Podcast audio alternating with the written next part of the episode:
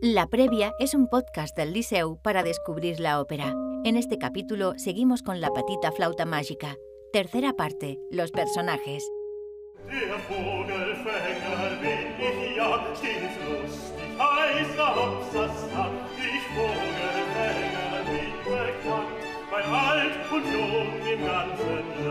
Oye una cosa, lo que vamos a ver en el Liceu se llama La Patita Flauta Mágica. Sí, ya te dije que es una adaptación de La Flauta Mágica, la gran ópera de Mozart. Mira, la flauta mágica puede entenderse como un cuento de hadas, pero en el fondo es una obra bastante compleja que trata temas muy profundos e importantes. ¿Sabes qué es la masonería? ¿La qué? La masonería. Los masones eran una agrupación de hombres sabios que buscaban difundir el conocimiento para acabar con el miedo en el siglo XVIII, que es cuando vivió Mozart. Mozart era masón y esta ópera incorpora muchos símbolos que ellos utilizaban para difundir ideas y mensajes. Por ejemplo, si te fijas bien, descubrirás que el número 3 sale por todas partes. La reina de la noche tiene tres damas.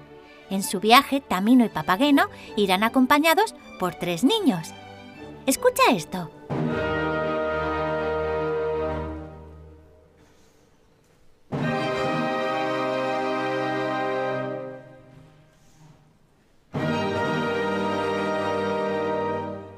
¿Te has fijado en que al principio hay como tres golpes? Oh, La historia que veremos es más sencilla, como una aventura.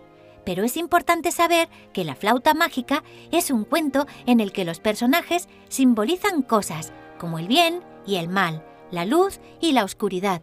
Son, a ver si conoces esta palabra, son arquetipos. ¿arquetipos? ¿Qué es eso? Un arquetipo es un personaje que representa cualidades, como la sabiduría, la maldad, el valor o el amor. Por ejemplo, fíjate en la Reina de la Noche. Escúchala.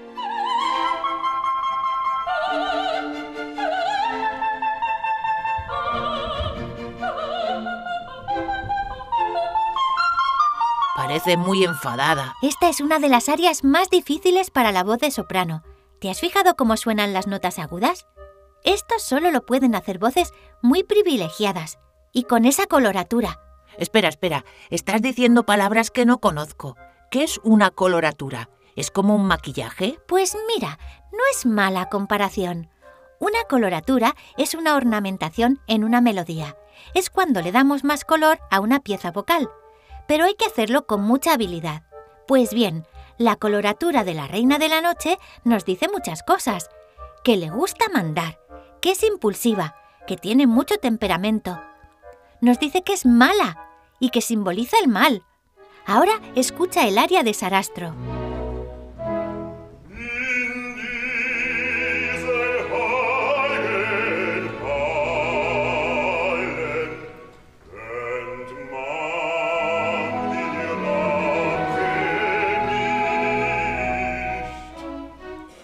Suena muy grave y serio. El personaje de Sarastro tiene una voz de bajo, y las voces graves, en las óperas del tiempo de Mozart, significaban conocimiento y orden.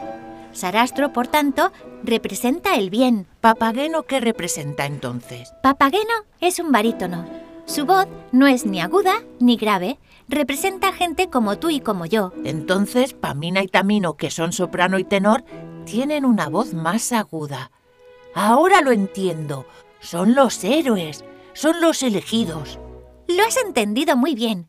Venga, ya hemos llegado. Vamos a entrar.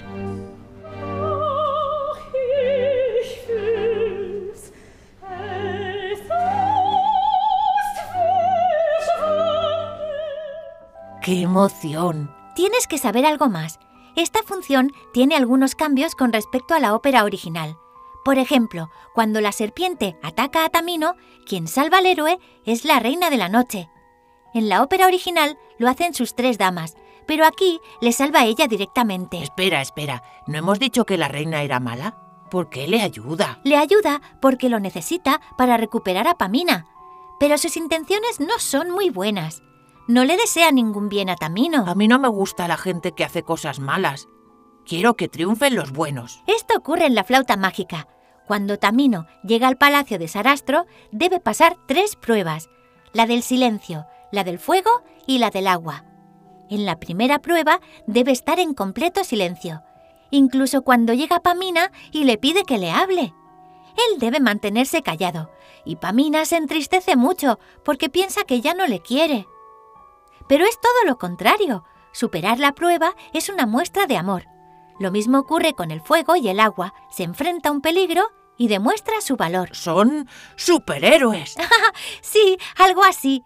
Tengo que hablarte de otro cambio.